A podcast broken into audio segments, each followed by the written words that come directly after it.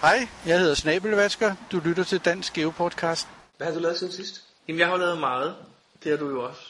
Ja, hvis man har lyttet til den sidste podcast, så ved man, at vi har været i USA på noget ferie. Ja. Og vi havde jo nogle, vi havde nogle mål med den ferie. Vi havde nogle ting, vi skulle nå. Ja, Og øh, vi fik jo fyldt mange af vores mål. Og hvad var det, vi skulle, Jacob? det ene mål, som også var vores øh, mål som geocacher, det var, at vi skulle øh, nå at udfylde den matrix, øh, der viser, at man har fundet en cache, der er blevet udlagt hver måned siden maj 2000. Ja. Og vi manglede begge to en.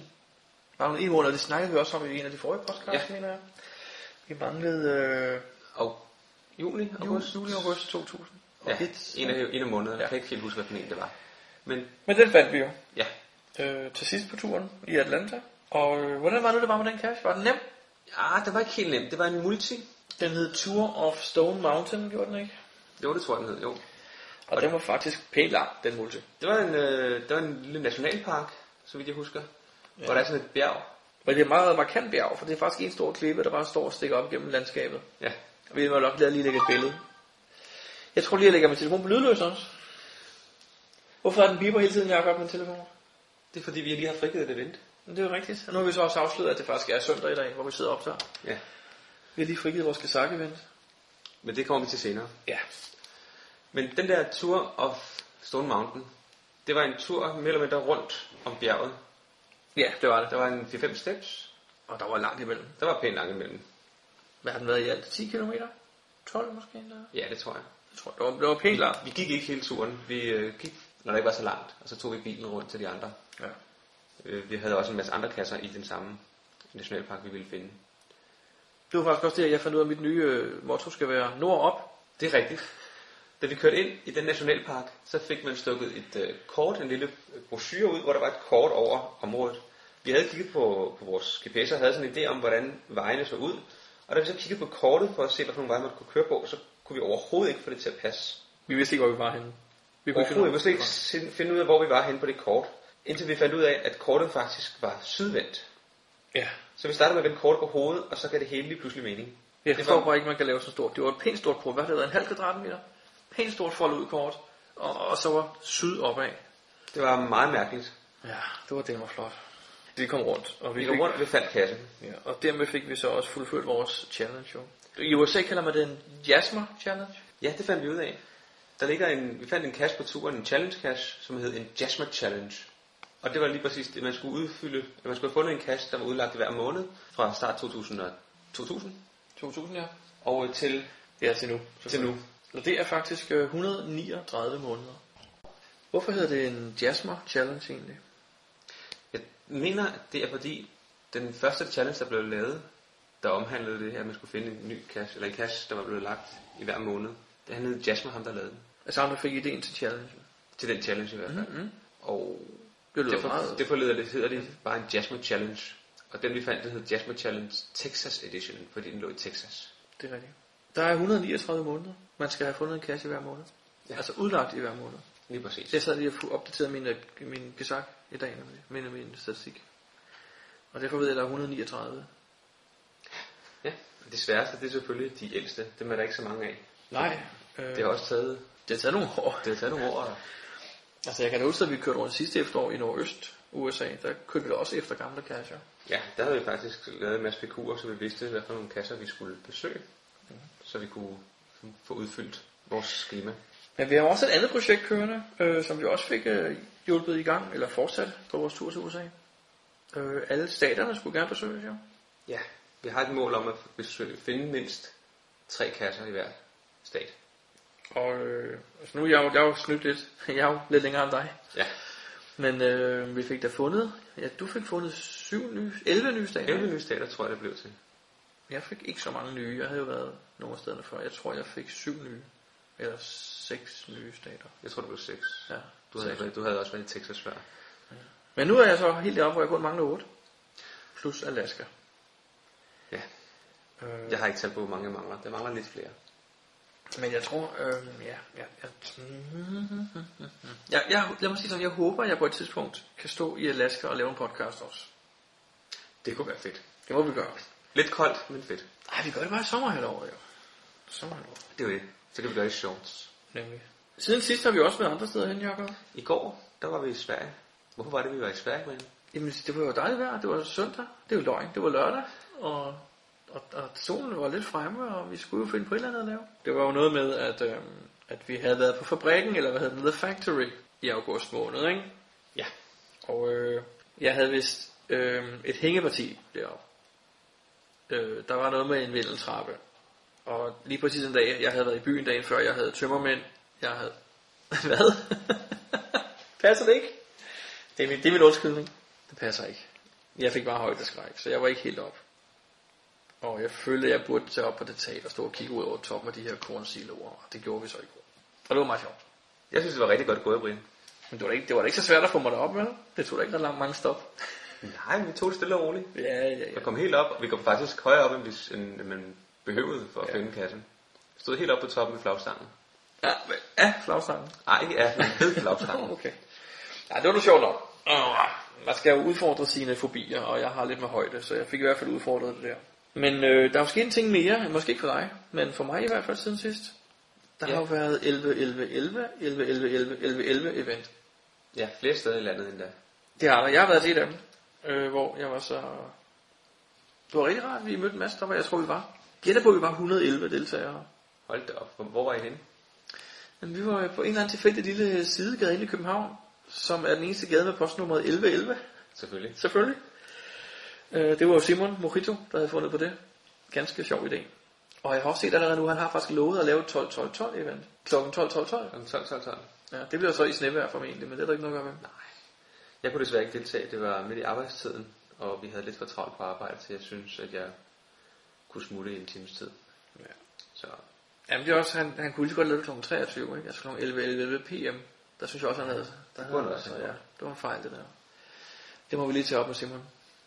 Hvorfor kaldte jeg det, helt ærligt, 11, 11, 11 p.m.? Det var tilføjet to bogstaver, så havde alle kunne være med. Ja. Det var fredag aften, jeg mener, hvad var problemet? Nå. Det var nu meget sjovt. Jeg endte med at gå en tur bagefter. Faktisk var jeg afsted i 9 timer, opdagede jeg. Øh, vi var flere, der gik rundt, og nogen faldt fra, og nogle andre stod til, og vi gik rundt og fandt nogle spændende kasser bagefter, så det var rigtig hyggeligt.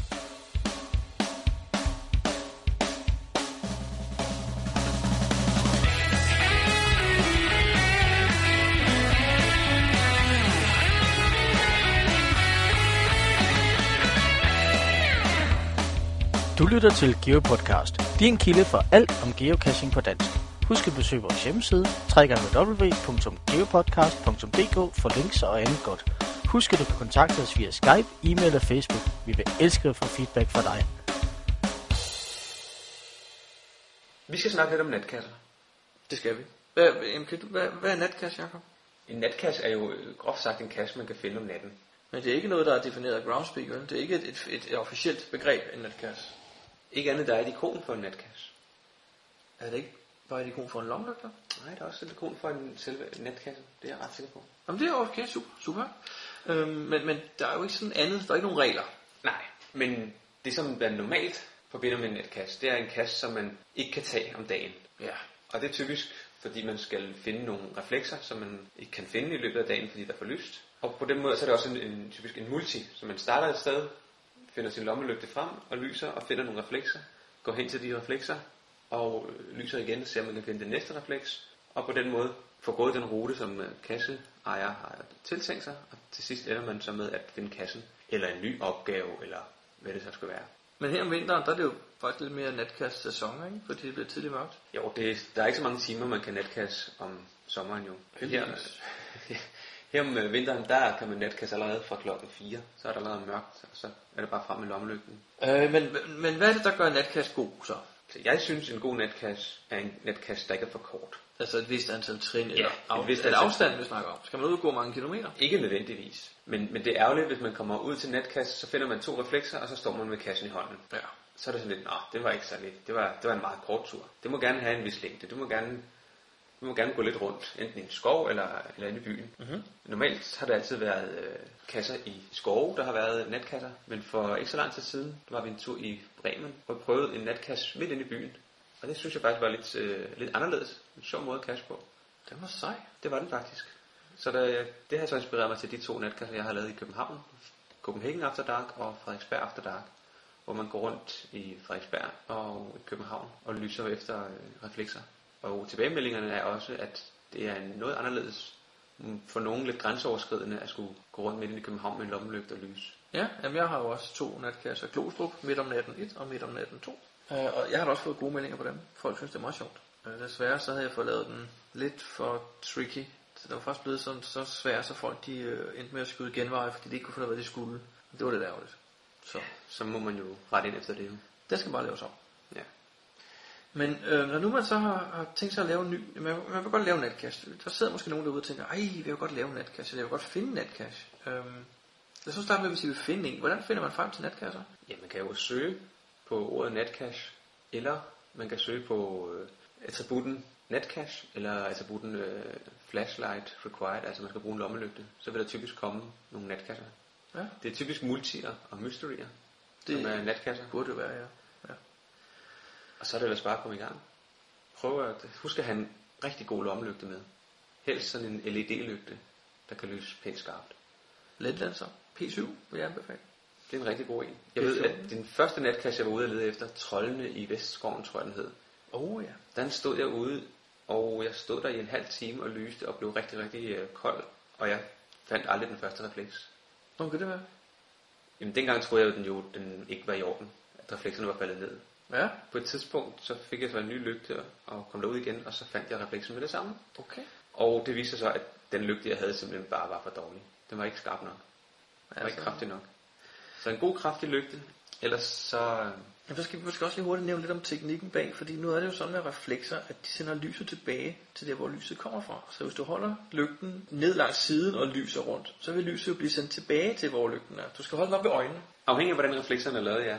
Men en god idé, det er at holde lygten oppe, ja. Ja, altså, jeg, jeg, Og så jeg, lyse rundt. det, jeg har helt klart bedst erfaring med at holde den. Men En pandelygte er jo optimal. Ja. Pandelygte, eller holde en lygte op i øjenhøjde og så kigge rundt. Så. Hvad er den bedste natkast, du har fundet? Tør du godt at nævne det? Uh, det kan jeg ikke huske. Jeg vil godt nævne, hvad min er. For jeg kan godt lige have lige siddet og tænkt over det. Jeg kan huske en, hvor vi Lyngby. Postapokalyptisk Nightcash. Lige præcis. Vels for bagmanden på den. Ja. Det tror jeg er den bedste, jeg har fundet. Den er også god. er det ikke sagt, du arbejder med? Jeg prøver at finde øh, natkasser frem her, så jeg kan fortælle, hvad for en jeg synes er den bedste. Ja. Den hikker lidt, den computer. Den er ikke lige helt så samarbejdsvillig lige nu. Men hvad synes du om post-apokalyptic nightcash? Den synes jeg var rigtig, rigtig fed. Det synes jeg altså også. Øh, Man skal bare lige passe på, at man ikke vælter i kuglerne. Øh, altså, den klipper vi lige ud. Man skal bare passe på, at man ikke træder på alle de her kugler, der ligger på gulvet, og så vælter om kul, fordi at Ja. det kom jeg... Jeg væltede ikke, men jeg fik trådt på nogle af dem og gled lige et par centimeter, før jeg fik fodfæste igen. Det står så også i kastbeskrivelsen. Ja, og tænker. Men ej, nu kommer jeg i tanke om noget, og det var faktisk ikke engang derfor, jeg nævnte den. Vi blev jo first finder på den. Eller vi var, var sammen, sammen super, med med super Super Ip, Vi der var blev tre first mand finder. deroppe, ja, det er da rigtigt. Det er helt glemt. Det er Yes, lidt øh, det er da rigtigt. event. Til Lyngby, øh, vinter, vinter i Lyngby, hedder det ikke det? Men stadigvæk, det var en god cash. Og der var også en fin første finder-præmie, kan du huske? Ja, det? tak. Den- Det var en flaske, øh, Det var flaske tequila, tror jeg. ja, et eller andet i den retning. Noget Super Ip, han fik da i hvert fald store og våde øjne, da han så den. Det kan jeg godt huske. Han blev glad. Men jeg ved også, Vels har passet godt på den. Han går ud og vedligeholder den, og det er nødvendigt. Han er rigtig glad for den selv, og det er også en god cash. Har vi et GC-nummer? Ja, det skriver vi selvfølgelig på forsiden, som vi plejer. Ja, Alle links til alt, hvad vi snakker om, kommer på vores hjemmeside. Dem, der så downloader via iTunes, de får ikke automatisk set vores hjemmeside. nej, men de kan så gå ind på geopodcast.dk og se øh, links til de forskellige ting, vi snakker om. Øh, men udover at have en god lygte, så hvis man vil lave en natkasse, så skal man vel også øh, have noget andet. Man skal jo have nogle reflekser. Ja, og en god ting er at få fat i nogle ordentlige nogen. Ja. Der findes nogle, nogle natkasser, som bruger nogle meget, meget billige reflekser, som er sindssygt svære at se. Selvfølgelig må kassen gerne være udfordrende, men hvis, den, hvis de, reflekserne bare er dårlig kvalitet, så, så nytter det ikke noget. En god idé det er at afprøve dem. Simpelthen tage et par stykker, sætte dem op i et træ eller et eller andet sted, og så prøv at se, øh, hvor gode de er at, at finde med en lygte. Man kan vel så lege med de forskellige farver af reflekser, således at man kun skal gå efter dem, der har en bestemt farve, hvor de andre måske er nogen, man ikke skal gå efter, eller man kan markere, når man møder en blå refleks, så skal man gå til højre, eller kassen ligger, når man møder tre gule reflekser, der sidder på samme træ. Der er mange muligheder. Jeg har tit tænkt på, når jeg ser folk sætte ting ind i træerne, om det egentlig er okay at stikke en, no- noget, der minder om en tegnestift ind i et træ. Mm, Men så er jeg også ligesom kommet frem til, at når nu butikkerne sælger sådan nogle her reflekser til at sætte i træer, så må det vel være, fordi det er lavet af et materiale, der ikke skader træet. Jeg tror heller ikke, det skader træet. Mange de er, hvor der er stiften også så kort, at den måske kun lige går ind i barken. Jamen jeg tænker Det også lyder på, til bare altså, plan. jeg kan huske, da, da, da jeg var knæk, fik jeg at vide, hvis du ville fjerne et træ, skulle du bare banke et kort og svømme ind i det, eller sådan noget, ikke? så ville jeg dykke. Men jeg går ud fra, at de så netop har lavet de her ting, der ikke skader, altså, hvad hedder det, passivt stål, det ved jeg ikke. Ikke giftige materialer ja. Ja. forhåbentlig, ikke? Alternativt kan man gøre det, at man øh, får fat i noget øh, refleksbånd, sådan et, øh, ligesom der er på refleksveste, og så klipper et stykke af og sætter rundt om en gren og hæfter det sammen med en, øh, med en klipsmaskine. Det er rigtigt. Man kan købe refleksbånd faktisk i forskellige butikker. Ja. Ja. Sådan noget syg, sygbutikker og sådan noget. Men den billigste metode, Brian, Ja, den fandt jeg sidste Den år. fandt jo. du sidste år. Jamen, jeg var ude og kigge, og det var dyrt. Jeg tror, jeg skulle give 50, var det 50 kroner meter ned. Det var i hvert fald noget, der var forholdsvis dyrt, synes jeg. Så jeg gik til Hansen og købte en refleks, refleksvest, sådan en trafikvest. dem kan få for 20 kroner. Ja, 1995 for en vest, og så gik jeg lige hjem og rev alle reflekserne af, og så havde jeg 2,5 meter for en 20'er. Det er billigt. Det er faktisk billigere, og jeg kan så sige, at den forbindelse, det kan helt klart betale sig at købe størrelse large. Det er samme pris. Ja. der, er lidt, der er lidt arbejde i at få fjernet alle Jo, jo, men- sytråden, men hvis man lige sidder og ser noget tv, så kan man stille og roligt, mens lige sidder og fjerne tråden med en hobbykniv, og så, så har man en god pæn stykke refleks der. og hvis man så vil lave dem selvklæbende, så Jamen, man kan, det- så man kan klistre dem op på noget. Det var også det, jeg gjorde jo faktisk, fordi Lige præcis. sådan en refleksbånd er præcis 50 mm bredt, og jeg købte sådan noget 50 mm dobbeltklippende guldtæppetape. Så det satte jeg bag på alle refleks på strænderne her, og klippede dem ud i små pile, og så havde jeg, for stort set ingen penge, havde jeg flere hundrede reflekser. Lige til at sætte op. Jeg tror faktisk på min ene øh, Glostrup midt om natten 1, tror jeg nok, jeg brugte små 220 reflekser. Og, og de klippede af, sådan som de selv skulle. Så de blev sat på lygtepæle og rækværk og gelænder og husvinduer og alt muligt andet. Postkasser, elbokse. Så det er en god billig måde at gøre det på i hvert fald, hvis man vil lave det selv. Man kan jo så også købe dem øh, forskellige steder i geoshopsene. Og øh, jeg ved, at vi her i den shop, jeg er lidt med i, Coins and Cashing, har fået nogle øh, nye og flexer hjem på prøve. Og jeg ved ikke, om vi kommer i butikken endnu. Vi skal lige ud og teste dem. Det virker ret godt, det vil jeg sige. Og jeg tror også godt, vi vil øh, udlåde en æske, vil vi ikke det? Jo, jeg synes, vi skal lave en konkurrence i den her podcast, hvor man kan vinde en æske reflekser, så man kan gå ud og lave en natcash. Ja. Der er 50 øh, reflekser i. Det er små tegnestifter. Øh, Og jeg har lige været og lege lidt med dem, som sagt, og de, de virker ret godt, synes jeg. De reflekterer meget godt. Så, så sådan en vil vi godt udlåde, men der skal jo også være en konkurrence for, at det er en konkurrence. Hvad skal man gøre? Jeg synes, det skal være nemt. Det synes jeg også. Jeg synes ikke, man skal gætte noget, der er svært, så hvad kan vi finde på, Jacob? Skal vi, mm, skal vi sige, at folk skal bare skrive et eller andet til os? Ja, det synes jeg. Hvis folk de vil skrive os en mail eller ringe på vores telefonsvarer, Og hvad skal vi have at vide af dem? dem, der har prøvet natcash, de skal s- fortælle, hvad for en natcash, der var den fedeste, de nogensinde har prøvet. Og hvorfor? Ja, Og hvad, hvad gjorde den fed? hvorfor var den fed? Og Hvorfor? dem, der ikke har prøvet natcash, skal også have en chance. Hvad, hvad skal de så? Skal de bare fortælle, hvad de forventer af natcash, eller hvorfor de ikke har prøvet endnu, eller om de glæder sig til at prøve, eller... Ja, det synes jeg. Hvad synes de om natkasser? Eller hvad, hvad forventer de af natkasser? Tror de, det er noget, de vil prøve? Vil de prøve det? Man kan også, hvis man har udlagt en natcash, må man også godt ringe og fortælle, øh, hvordan man gjorde, Ja. om man har fået nogle gode tilbagemeldinger på den, og, og så videre, og så videre. Det er sådan set en meget nem konkurrence, ikke? Jo, skriv eller ring og fortæl lidt om natcaching. Og vores øh, telefonnummer er jo det gode gamle kendte, 42 GeoPod 42 GEOPUD eller i virkeligheden 42 43 67 63. Og vores mailadresse, det er mail geopodcast.dk Den står også på vores hjemmeside. Og der er der også en formular, man bare kan udfylde, hvis man hellere bare vil udfylde formular. Det er rigtigt. Og ikke Kontaktformular. kontaktformular. kontaktformular. Alle dem, der skriver noget om netcaching, er med i lodtrækningen om den æske øh, reflekser. Det skal selvfølgelig være inden søndag om 14 dage. Altså det vil sige søndag den 27. må det give. Det er sidste chance. Vi skal have den søndag den 27. kl. 12 senest. Lad os se. 4, 2, G, E, O, P, O, D. Dette er telefonsvaren for Dansk Geo Podcast. Vi var øh, faktisk rigtig glade. Der var en, øh, en besked på vores telefonsvarer for øh, 3-4 dage siden. Det var der jo, og ja, ja øh, det var Mm, Vi var meget spændte på det. Det viste sig så desværre, at det var, øh, det var en fejl. Det var 33 sekunder til stillhed. Ja. Ja. Vi kunne se telefonnummeret. Ja, Så vi ringede jo til, nu skal jeg ikke nævne nogen navn her, men Alan Mr. Holmes. vi forstyrrede ham midt i en øh, FFC-jagt. Hej Alan, Hej Allan.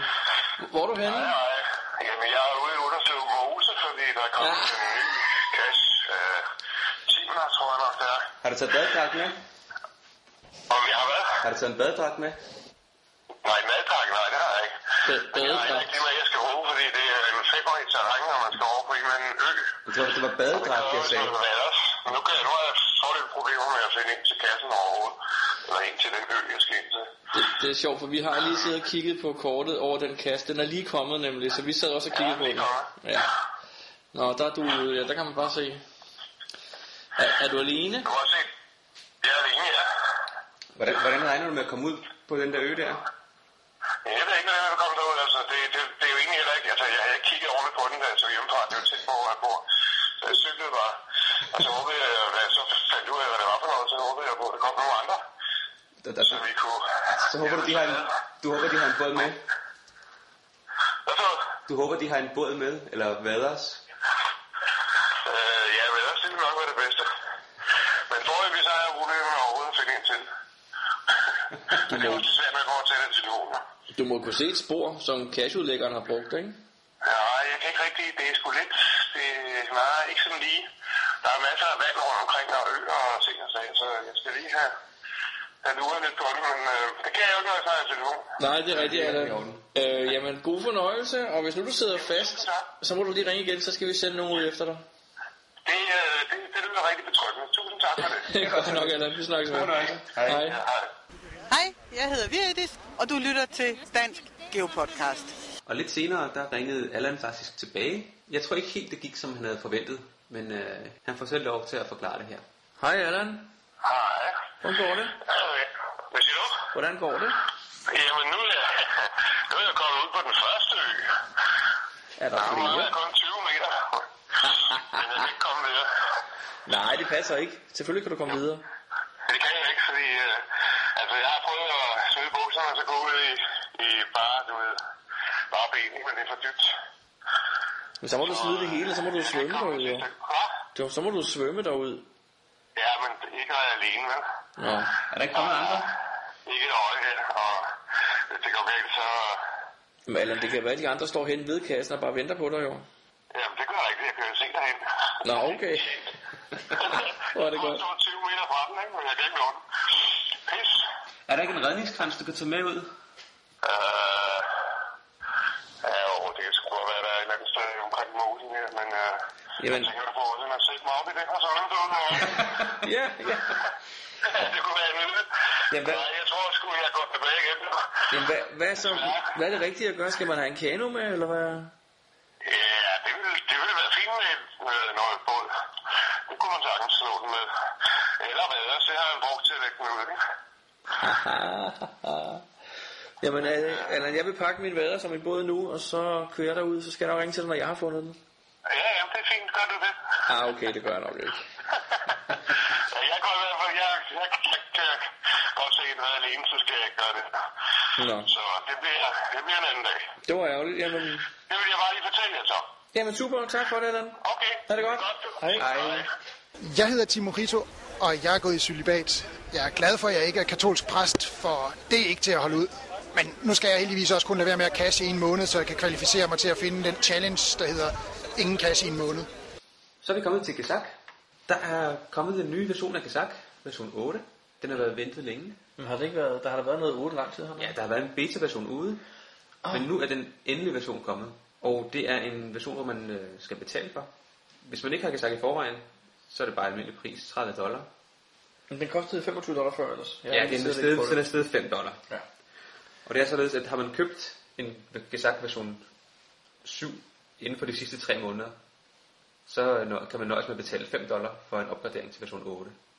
Har man købt sin Gazak 7 mellem 3 og 9 måneder siden, så betaler man 10 dollar. Har man købt den for 9 til 24 måneder siden, så koster Gazak eller opgraderingen 15 dollar. Og har man haft Gazak i over 2 år, så skal man betale 20 dollar for opdateringen. 20 dollar, det svarer til omkring 100 og Ikke ret meget, 110. 110-15 kroner, så det er jo ikke, det er ikke den helt store udgift. Jeg synes, det er billigt i forhold til, hvad man får. Ja, der er en masse småting, der er kommet, og så er der kommet to store ændringer i forhold til den gamle. Og alene de to ændringer er nok til, at jeg vil betale for det. Jeg skal lige sige, jeg har allerede været inde og betale. Jeg skulle betale 15 dollar, det vil sige, at jeg har åbenbart været, haft Gazak Mellem 9 og 24 måneder. 89 om måneden. Ja, der kommer to ting. Hvad er den første? Den første, det er det, som hedder geocaching.com access. Det betyder, at Gesak nu kan snakke direkte med geocaching.com. Den kan både få data fra geocaching.com direkte, og den kan også skrive til geocaching.com. Med, for eksempel kan du overføre nogle logs, sådan så du bare logger dem ind i Gesak, eventuelt ved hjælp af dine field notes fra din GPS, og så sender den det hele afsted til geocaching.com, og så er det logget automatisk, så du ikke behøver at skulle vælge log-type fundet og markere og submit osv. Det gør det helt automatisk. Hmm, Men er det, er det nemmere? Jeg er ikke kommet i gang med at bruge det nu. Nå, okay. Men jeg har brugt den makro, der hedder Field Notes Import and Log, og det er cirka det samme, men en lille smule smartere. Ja. Fordi den, den også logger dem for dig automatisk. Så jeg tror faktisk, det bliver, det bliver, det bliver, det bliver smart. Ja. Ja. Du kun finder en 2-3 kasser om dagen, så er, det, så er det nok lidt lige meget. Finder man, at man stadig en dag finder 20 kasser, så tror jeg, at det er en fordel. Altså, jeg har selv leget lidt med det også, jo, selvom jeg sidder og spørger dig om, hvad det er. Øh, og, og en af fordelene, hvis jeg lige skal nævne noget, det er jo, at når man skal logge kassen, så ser du faktisk øh, to vinduer, hvor du i det ene vindue ser kastbeskrivelsen. Så hvis man ikke lige kan huske, hvad det var for en kast, der hed GLT nummer 8, når man sidder derhjemme og skal logge det, så kan man faktisk se det samtidig og lige blive husket om, hvad for en kast det er, man logger, så man dermed også kan skrive en bedre log. Det lyder smart. Det er nemlig rigtig smart. Den anden ting, den kan, øh, det der geocaching.com access, det er, at man øh, kan hente kasser. Man kan definere et centrum, og så vil man gerne, ligesom man, når man laver en PQ på geocaching.com, så gør man det direkte i Gesak. Og så kan man hente 6.000 kasser på en gang. Det er jo meget. Fantastisk. 6.000 kasser, eller 10.000 i det, man kalder en light version af kasser. Der er sådan nogle oplysninger, der ikke er der. Der kan man så have 10.000, og det vi snakker vi så, det er per løbende 24 timer. Så efter 24 timer, så har man 6.000 kasser igen. Man har også mulighed for at hente alle logs på sine kasser, eller på andres kasser. Det har også været noget, som man ikke har kunnet før. Ubegrænset antal Det er log. ubegrænset antal kasser, ja. Eller ubegrænset antal logs mm-hmm. Mhm. på kasser. Der er nogle begrænsninger på, hvor meget man kan hente i løbet af en time, tror jeg nok. Jeg kan ikke helt huske reglerne, men sådan, så man ikke bare kan, kan finde løs. Men vil man have opdateret statistikken for sine egne kasser, hvor mange der har fundet dem osv., så har man nu muligheden for at hente alle logs ned. Det havde man ikke før, faktisk. Det var lidt smart. Det var Er den du- ene af de store ting. Mm-hmm. Den anden, det er muligheden for, at man selv kan proppe flere felter ind i, øh, i Gazak. Det synes jeg lyder farligt. Eller jeg mener, det, det risikerer man ikke at få noget inkompatibilitet til andres gesag. Altså på en eller anden måde, hvis jeg skal, lad os nu sige, at vi har planlagt en tur, jeg sidder og laver en database over Argentina, øh, og så tænker jeg, okay, jeg sender lige den her, de her data til Jakob, så han også ved det. Og jeg har lavet en ekstra kolonne, der hedder, dem skal vi bare finde, og jeg eksporterer som GPX-fil, sender den til dig, så kan du ikke læse den jo. Eller er det bare mig, der ikke kan forstå, hvordan det fungerer?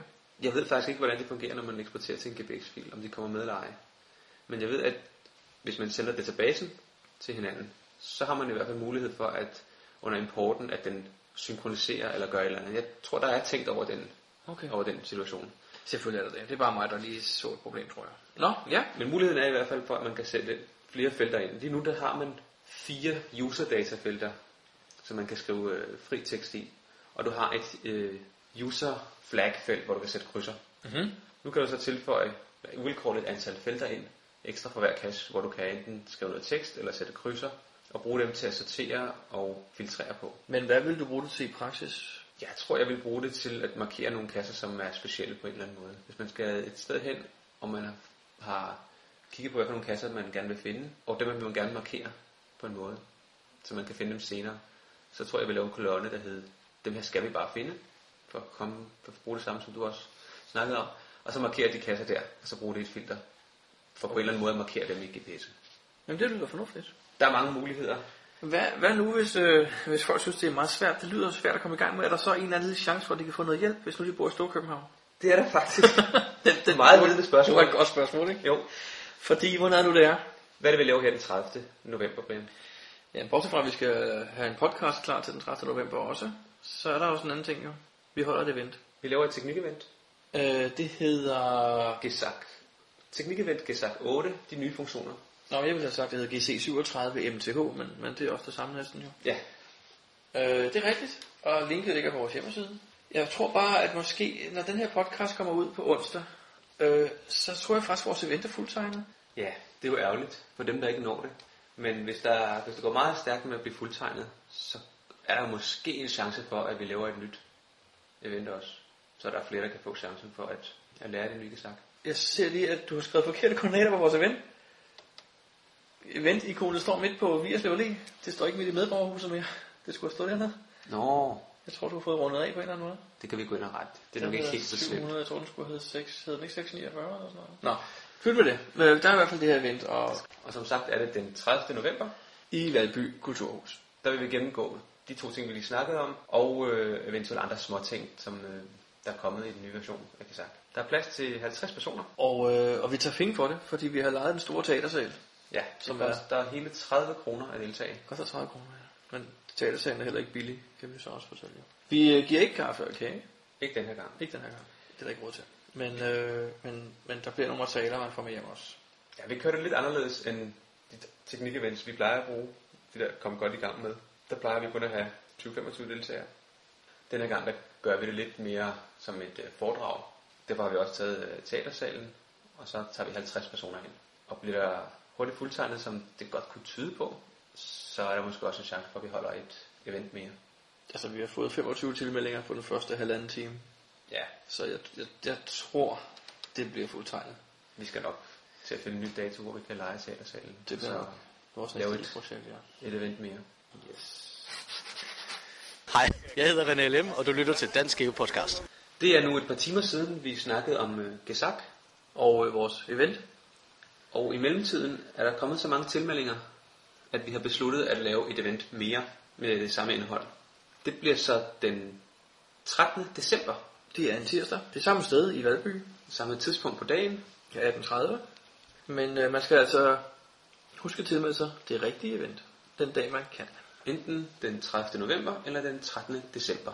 Links ligger selvfølgelig på vores hjemmeside. Jeg er Jesper Hjortdal, også kendt som Janten. Du lytter til Dansk Geopodcast. Jakob, øh, da vi var på ferie, der øh, fandt vi en masse kasser. Og øh, vi kørte ikke bare rundt på må og få. Vi havde faktisk planlagt noget. Ja, det havde vi. Og, øh, og det vi havde gjort var noget med nogle favoritpoint. Ja, vi har været i USA et par gange efterhånden. Og mange af de kasser, man finder i, øh, i USA, i byerne, det er, det er sådan nogle kasser, der ligger ved, øh, ved lygtepæle. LPC. LPC-kasser kalder man det, Landpost Cash. Og det er fordi lygtepæle i USA, de har sådan et lille skørt for neden nærmest, et metalskørt. Og det kan man løfte op, og derunder der er der faktisk plads til en lille beholder, typisk øh, en øh, mintbeholder, altså mint, Altså, det bestiller. er faktisk rigtig god plads. Der kunne faktisk sagtens Der kan sagtens ligge en lille boks. der kunne, låse, der kunne sagtens ligge en der small kan sagtens ligge en small. Det gør der også en gang imellem. De fleste gange er det bare et øh, filmhylster. Eller en pille, pilleglas. Ja. Faktisk, hvis man lytter til den amerikanske øh, podcaster, podcast, så har de øh, jævnligt emnet op om lamppost caching. Okay. Fordi øh, Det er lang tid siden, jeg har hørt det. De hader det, eller i hvert fald øh, Sandy. Nej, Sonny hedder han. Sonny. Ja. Han, øh, han har sine problemer med de der LPC'er. Og, øh, og jeg ved, de har jo så nævnt det så mange gange, så der var rigtig mange lyttere, der ikke vidste, hvad det var. Og øh, så var gået ud for at begynde at finde nogle af dem. Og flere af dem var blevet vildt imponeret over gennemmåden, så nu er der kommet flere og flere af dem. Så på en eller anden måde, så er det podcasters grund til, at der er kommet flere af dem, og det vil de bestemt ikke have hængende på sig. så Altså gemmemetoden er jo rigtig smart. Jamen det er den. Jeg kan huske, da jeg så min første landport LPC, jeg tænkte, nej, hvor er det genialt. Den bliver aldrig fundet af en mokler, og den ligger i tørvejr, og der er god plads, og den er skjult, og det er midt på en p-plads foran et supermarked. Ja. Hvor er det fedt det her. Og da jeg så senere på samme tur havde fundet 10 af dem i træk, så var jeg begyndt at tænke, det er knap så fedt det her. Og typisk er der jo, parkeringspladsen er, er ret store foran de der indkøbscentre. der er faktisk plads til mange på en p-plads. så du kan sagtens finde 3-4-5 kasser på samme p-plads, der er gemt på præcis samme måde. Ja. Det er bare ikke så spændende. En anden meget brugt gemmemetode, det er autoværen. Åh oh, ja. På bagsiden af et autoværen, der sidder der også rigtig mange. ja. Og når vi har fundet efterhånden rigtig mange af dem, så synes vi, ah, det var, det var egentlig ikke helt så spændende. Så vi tænkte, vi skal gøre et eller andet for at sortere dem fra. Ja. Sådan så at vi ikke øh, fylder GPS'en op med, med det, vi øh, vil kalde ligegyldige kasser. Så vi gjorde flere ting. Ja, vi gjorde i hvert fald det, det er sådan to, to hovedting, vi gjorde. Ikke? Vi, jo. vi sorterede alle dem fra, der hed 1-1 Ja, og 1,5. og halvanden Og et. halvanden en, ja. Jeg tror også halvanden halvanden også røg fra. Ja. Så alt, hvad der havde sværhedsgrad og terræn under, under, to. under to, det blev faktisk sorteret helt fra. Det fik vi slet ikke med. Hvilket, øh, jamen som du også ved undervejs, jeg brokkede mig flere gange. Jeg synes måske, vi havde været lidt for hårde der, fordi... Ja, det ved jeg ikke. Jeg synes, jeg synes vi havde måske havde sorteret for meget fra. Men det gjorde vi, og, og alt i alt var jeg da godt tilfreds med det. Man får sorteret nogle kasser fra, som højst sandsynligt er gode. Ja, Det er rigtigt. Man kan ikke, man kan ikke alternativt skal man kigge samtlige kasser igennem. ja. Og vi gjorde så også noget andet jo, fordi vi sorterede også på favoritpoint. Ja, vi gjorde det, at vi tog, og øh, Med den nye Gesak 8. gen- ja, den har nemlig også favoritpoint med over. Så tog vi alle de kasser, der har mere end eller 10 favoritpoint Jeg tror, det eller var derover. 10, 10 eller mere, ja. De kom med uanset hvad størrelsen var på dem. ja. Så- Så. Og de fik så også en speciel markering. Og det fik en speciel markering i, øh, i GPS'en. Det samme gjorde vi med de kasser, der havde sværhedsgrad over 3. Ja. Det fik også en spil- speciel markering, fordi der er potentiel chance for, at det er en, en øh, alternativ måde at gemme kassen på. Udfordrende på den ene eller anden. Den ene Lige eller anden præcis, måde. ja.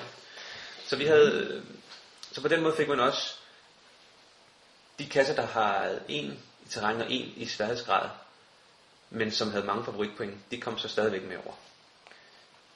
Men vi- det var så, vi var så alligevel øh, lidt mere kompliceret, fordi vi gjorde jo også det, at øh, virtuelle tog vi jo med lige meget, hvad de havde. Ja, Og øh, det samme med Earthdash, Earthcasher og webcam. Webcam. webcam. letterboxes. Ja, Og den fandt vi faktisk en del af. Hvor mange virtuelle fandt vi på turen? Jeg synes, Pia hun snakker om, at vi har fundet 40 eller sådan noget på turen. Jeg kan ikke helt huske. Jeg husker, hun nævnte tal. Jeg troede faktisk bare, at du var 50, hun sagde. Nå, det var, det var, pænt det var mange. pænt mange virtuelle. Ja. Og, og, og, jeg ved ikke, fordi jeg, nogle folk har jo, altså, nogle gange, når jeg ser en eller anden person, der har fundet rigtig mange virtuelle, tænker jeg sofakasser. Men jeg synes jo også, de er federe at komme ud til, for du skal jo faktisk, ligesom at finde en boks, der skal du i logbog, skal du også finde et sted og svare på et spørgsmål, ikke? Og det er jo faktisk, det tager jo mere tid, det er jo mere kompliceret, fordi du skal jo faktisk øh, hjem og e-mail ejeren og have at vide, det er okay, før du må logge den, ikke? Jo, nogle, nogle, der får man aldrig svar, så dem lokker man. Ja, det er der sådan Andre lidt, de så- skriver også, du må gerne logge den med det samme, jeg skal nok kontakte, hvis svaret er forkert. Jeg synes, virtuel er, er okay. Typisk så ligger de ved nogle, nogle sovesteder, hvor der måske ikke var plads til en cache i gamle dage, eller stadigvæk ikke er plads til en cache, eller man ikke må lægge en cache, fordi det måske er meget tæt på nogle bygninger, regeringsbygninger, eller i nationalparker, hvor man ikke må lægge kasser. Lige præcis i nationalparker vil jeg så nævne Ja. ja. her, for der må du ikke lægge kasser i USA, så det er kun, der er virtuelle i stedet for. Jeg synes generelt, de, at de virtuelle er, er god kvalitet. Det vil sige, at de, de faktisk viser noget, der er spændende, og ikke bare en eller anden tilfældig ting. Jamen det er rigtigt. Altså, det er jo ikke en, det er jo ikke en lamppost. Du kommer ikke ud til en anden lygtepæl på en bilplads ved et Og indkøbscenter. hvor du skal svare på, og, om der er en eller to pærer i. Sådan Nej. er det ikke. Nej. Der er faktisk noget, noget øh, seværdigt. Vi, jeg synes, vi fandt nogle Vi fandt gode sammen. også i, i Louisiana. Eller hvad vil jeg sige, New Orleans, der var rigtig mange virtuelle, der var gode. Ja, Øh, hende der Voodoo Queen. den var rigtig god. Det var inde i en kirkegård. Ja, og der, og der var der også, jamen der, jeg synes, der var mange. Der var, dem nede ved, ved floden, nede ved Mississippi, der var nogle, og vi var ude til en aften, vi gik en tur, og de var da også gode, de virtuelle der. Ja, Det noget med en, en, nogle immigranter og noget. Øh, så jeg synes, de var gode, og, og vi, vi havde mange gode fund over, det havde vi. Vi fandt ikke så mange, hvor meget vi fandt på to uger, var det... jeg har ikke tal på det. Det er jeg faktisk heller ikke. Jeg tror, 150 det var 150, jeg var også mit gæt. 150, det vil 150 sige- katte. I snit 10 om dagen. Ja. Yeah. Der var nogle dage, hvor vi fandt lidt flere, og så var der nogle dage, hvor vi øh, kørte meget, fordi vi skulle, vi skulle flytte, ja. vi skulle køre måske 500-600 km den ene dag. Der fandt vi så ikke helt så mange kasser. Og der var det, jeg mente, vi skulle have haft nogle flere idéer med, fordi hvis du kører på en lang motorvej, og der kommer en resteplads, og man kan se, at der ikke ligger en kasse, så kommer jeg sidde til at sidde og tænke, kan jeg vide, om der ikke ligger en, den bare 1-1. Ja. Og der havde det været meget fedt lige at komme ud og strække ben, ikke? På, på ruten kunne man måske godt have taget et der med. Ja. Men nu er vi så heldige, at vi har internet derovre, så vi gjorde faktisk det, Vi gik godt. at vi gik online med vores øh, telefon og nogle af de geocaching-apps, der findes, der kan finde ud af, hvor ligger den cache lige i nærheden. Ja. Ja. Og ved du, det fandt vi også et par resteplads-kasser til, til når vi lige skulle strække benene. Og lige nu sidder jeg faktisk og tænker på, at jeg tror, jeg glemte at lokke nogle af dem. Kan det ikke passe? Det har du aldrig prøvet før, jo.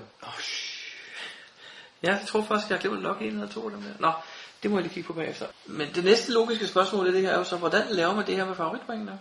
Ja, men det kræver, at man bruger den nye Gesagt 8, og så skal man hente oplysningerne via det nye geocaching.com access, fordi bruger man almindelige PQ'er, så kommer favoritpoint ikke med over.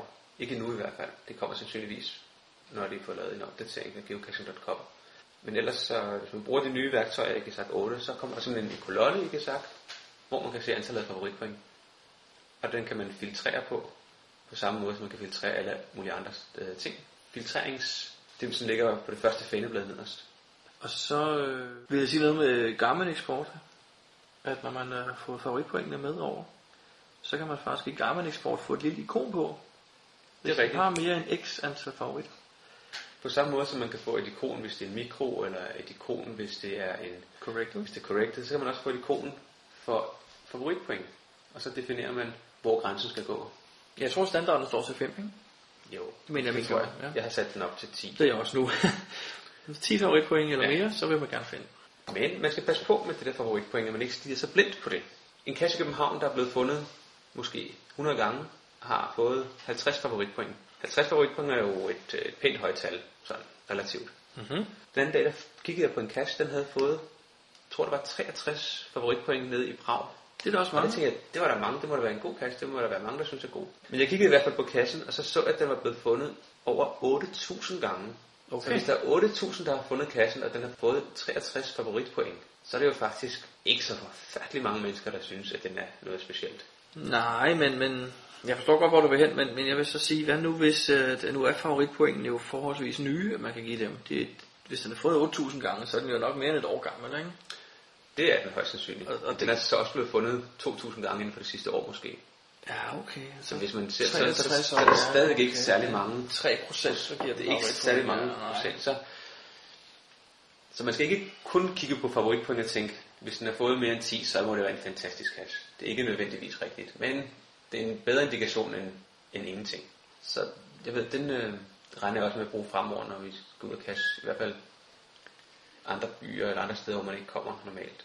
At man så kigger på de kasser, der har, der har favoritpoint. Vi gjorde det også, da vi var i Balt, på vores Baltikum-tur. Ja. Ja. Der gik vi også øh, primært efter de kasser, der havde fået flere favoritpoint. Når vi nu ikke havde tid til at finde 100 kasser i byen, så fandt man måske de 5-10, der havde fundet flest favoritpoint. Men nu, øh, jamen efter I tog hjem, det var jo sådan for USA, I tog hjem to dage før mig. Øh, Så jeg sad derovre to dage alene, og jeg tænkte, noget skal jeg jo lave. Så jeg fik faktisk det her til at virke, ikke sagt også, så jeg fik øh, markeret mine kasser med favoritpoint og sorteret på dem og sådan noget. Og jeg, jeg fandt, den ene dag tror jeg, jeg fandt 20 kasser eller 22 kasser. Alle sammen med mere end 10 favoritpoint. Og det var en rigtig god dag. Jeg kørte rundt og hyggede mig i min Tahoe En stor bil. kæmpe stor bil, helt alene. Og, øh, men, men, men jeg sad faktisk og fik den tanke i løbet af dagen jo, at hvis man kun leder efter casher med mere end 10 favoritpoint, så leder man på en anden måde, når man kommer frem. Altså man ved jo, at du, nu kommer du frem til noget, der er godt. Og det vil sige, fra starten af så, altså, så man kigger jo ikke de standardsteder, man starter ud på en anden måde, fordi man forventer noget mere end normalt. Så på den måde synes jeg måske slet ikke, at, at man bliver så overrasket, som man ville gøre, hvis, hvis du kom uden at vide, hvad du kom til vil du blive mere overrasket over et godt gemmested, end når du forventer at komme til et godt gemmested. Så er du, nå ja, det var også det, jeg regnede med. Det kan godt være, ja. Så på den måde er det måske slet ikke godt. Måske skal vi få dem afskaffet igen, de der favoritpoint. Ja, lad os afskaffe favoritpointene. Jamen, du, du forstår godt, hvad jeg Jeg mener. forstår sagtens, hvad du mener. Men man skal også huske, at favoritpoint ikke nødvendigvis er, fordi det er et godt gemmested. Nej, det kan også være Jeg moden, kan der nemlig- gennemgår jo. Ja, eller et godt sted. Jeg kan godt, øh, jeg Ideen. kan godt finde på at give en, en, øh, en et filmhylster et favoritpoint, hvis den lå et, øh, et sted, som var, var rigtig spændende. På toppen af Grand Canyon. Hvis kassen lægger mig et sted hen, som jeg normalt ikke ville have fundet før, øh, fundet uden geocaching, og det var et flot og spændende og hyggeligt sted, det kan så godt være, at kassen måske er et øh, filmhylster, altså ikke så spændende. Men, men dem vil jeg også synes var et øh, favoritpoint værd. Ja, fordi, jamen, det er jo også- Mhm. fordi stedet er, er, er hele, hele oplevelsen har været god. Mm-hmm. Kassen var måske ikke det mest spændende, men, men stedet var godt. Det synes jeg også giver øh, favoritpoint. Ja, jamen, Det er jo lidt forskelligt, hvad folk de vælger at give favoritpoint til. Men øh, det er jo lidt det, de har lavet i open caching. Eller jeg mener, vi skal måske over i noget af det, fordi der, der, der kan du give mere end, du kan bedømme på mere end et punkt. Ikke? Altså her der hedder favoritpoint ja eller nej.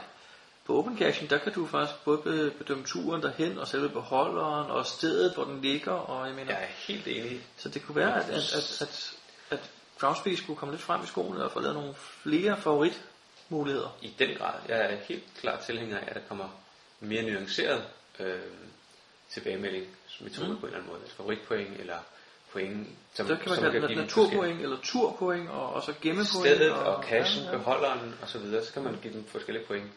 Men jamen, det, det var, er det noget, du fik til næste gang? Ja, jeg er faktisk næsten færdig med det. Super. Man skal så bare også huske, at jo flere ting man kan bedømme, jo længere tid tager det at lokke. Og så kan det være, der er nogle folk, der bare vælger at sprænge det over, fordi det bliver for besværligt. ah, ja, jeg forstår godt, hvad du mener, men allerede nu med favoritpoint kan du faktisk give dem, mens du logger. Inden du trykker send, kan du markere, at den her cache er en favorit. Det er rigtigt. Det er et klik ekstra. Ja. Ja. Og hvis du så skal give det for naturen, turen og cashen, så er det to ekstra klik, ikke? Tre klik. Jeg tror også, jeg vil gøre det, men jeg tror også, der er nogen, der vil, ej, der vil droppe det. Jeg kan huske, at der var... Nej, det tror jeg altså at man ikke. Det tror kunne jeg ikke. give- Det- Jeg at vil man ikke. kunne give point på de danske kasser inde på geocaching.dk for øh, en del år siden. Der kan jeg huske, at det, jeg tror, jeg gav point til nogle enkelte, og så holdt det op. Men det var selvfølgelig også besværligt, fordi det var to forskellige hjemmesider, man skulle ind på. Nej, men der var også, der var også en dommer fejl der, synes jeg, fordi der skulle du... Jeg tror også, at du, skulle- du skulle give fra 1 til 5 point på ja. Ja. alt, hvad du havde fundet, jo. Ja. Hvis du kun nøjes med at skulle give på dem, du synes, der er gode, Altså, du skulle ikke, her skulle du også stemme dem ned, der var dårlige. Ja, det er rigtigt. Det, det synes jeg ikke, man skal. For hvis jeg finder 10 kasser, og en af dem er god, så gider jeg ikke sidde og give de ni andre dårlige point.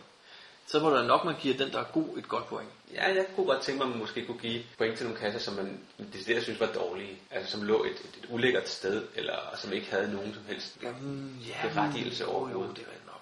Men som du har lavet dengang, da det var Lars, der havde lavet det, eller Ruth B, der, der var det jo sådan, at du, dem du ikke havde givet til endnu, de blev ved med på op på din liste. Du mangler stadig at give 2.000 kasser din bedømmelse, så jeg sad og tænkte, gud vil jeg ej. altså, Ja. øh, så, så, men det er nok, der burde være mulighed for, men det er der faktisk også nu, du kan stadig give din, din, din utilfredshed til, til kende ved at lave en needs archive, eller, eller en needs maintenance, eller et eller andet. Altså, Det er, det, rigtigt. det er måske den, den er bare lige... Øh, det bliver ikke brugt så så meget, meget. nej, det gør det ikke, og det er også meget drastisk at give den en, en NITS, øh, NITS archive log. Altså, Der skal kassen være rigtig dårlig og væk, og have været væk længe måske, før man gør det, synes jeg. Altså jeg kunne jo godt tænke mig personligt, at, at som, som du også ved i går, det var i Sverige, at der var flere gange, jeg sagde, at jeg ønskede, at jeg kunne tage et favoritpoint for den her kasse. Ikke? Altså, når man kommer ud til en eller anden kasse, og man bare forventer noget, og det ikke er det, så vil jeg godt have lov at tage et. Det er jo det samme som at give den en minus. Ja, men det burde jo faktisk være. Så du havde, du havde, nu har jeg i øjeblikket stadigvæk 900 point, jeg kan give ud af. Men så kunne det også være sådan, jamen du, du har 900, du må give, men du nu også, lige nu har du lov til at tage 90 et andet sted fra. det, det kunne måske være meget godt. Ja, det kan være, du skal øh, skrive til Groundspeak. Er det noget, du fikser til næste uge? Den, har, den er også med på tegnebrættet, ja. Det kan godt være, den har jeg først om to år. Nå, super. Hej, jeg hedder Alex Suløj, og du lytter til Dansk Geo Podcast. Jeg hedder Henrik, og du lytter til Dansk Geo Podcast.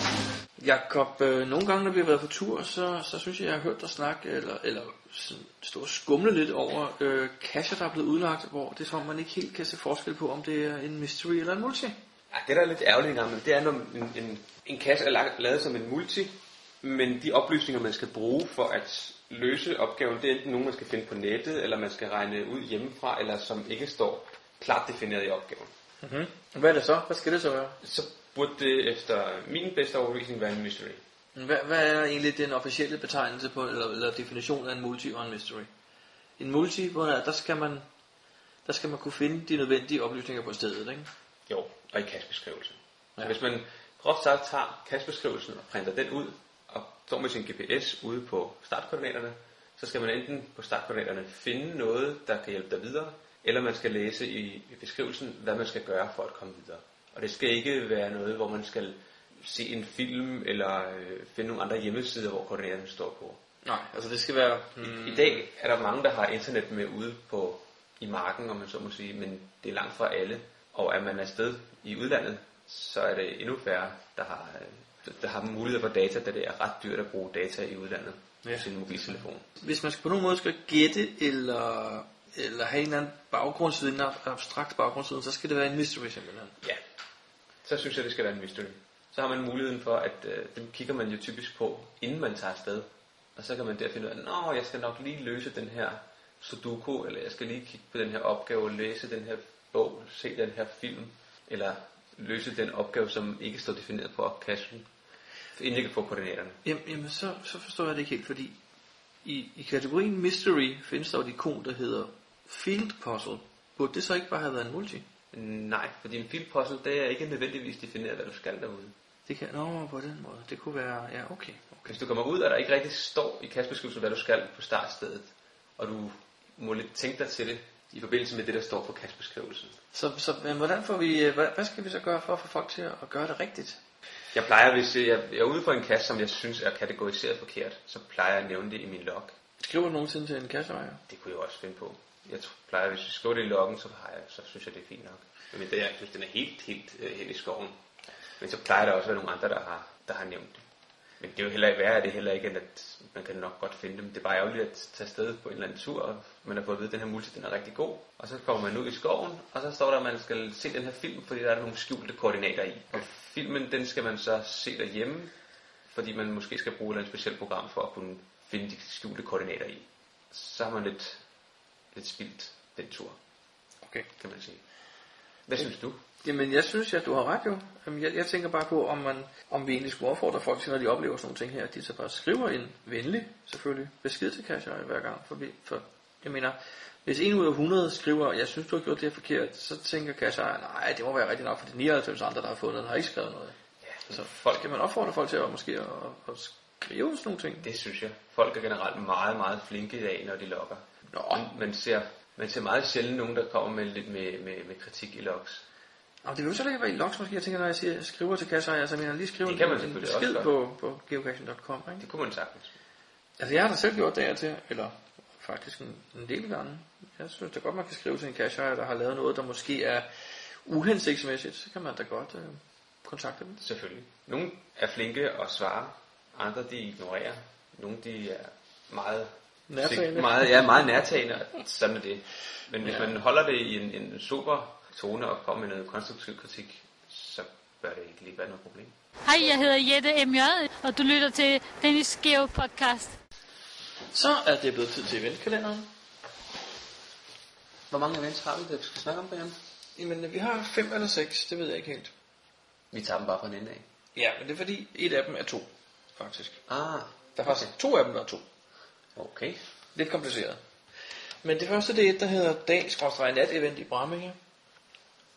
Og øh, der er faktisk ubegrænset deltagerantal. Det er først i marts måned næste år, 31. marts. Okay. Og der er allerede langt over 100 tilmeldt, men jeg tror, der er 120 jeg talte det op til. Det lyder spændende. Og da der faktisk er 5 måneder til endnu, 4 måneder til, så har det jo potentiale til at blive et mega event. Ja, det er rigtigt. Første danske mega event, så siger jeg ikke mere.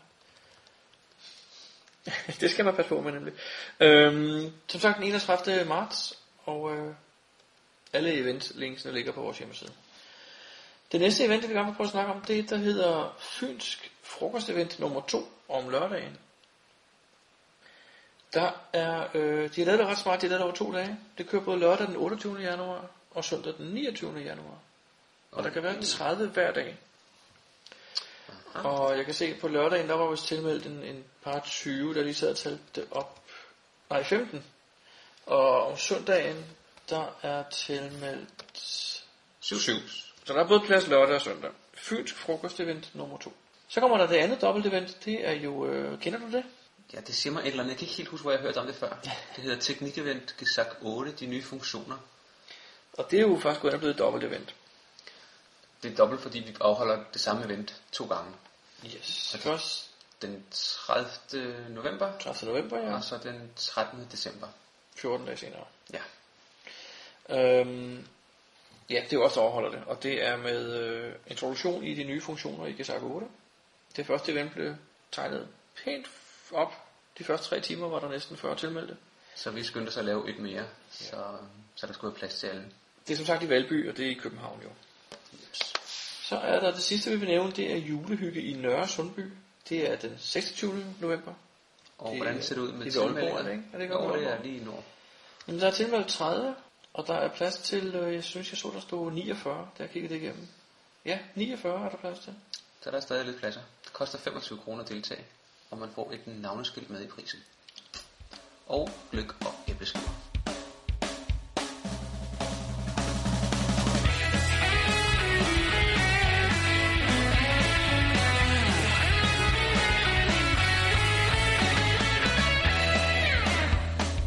Du lytter til GeoPodcast, din kilde for alt om geocaching på dansk. Husk at besøge vores hjemmeside, www.geopodcast.dk for links og andet godt. Husk at du kan kontakte os via Skype, e-mail og Facebook. Vi vil elske at få feedback fra dig. Jeg hedder Tim Morito, og jeg er med. Jeg hedder Åkvist, og jeg har været ude at tisse.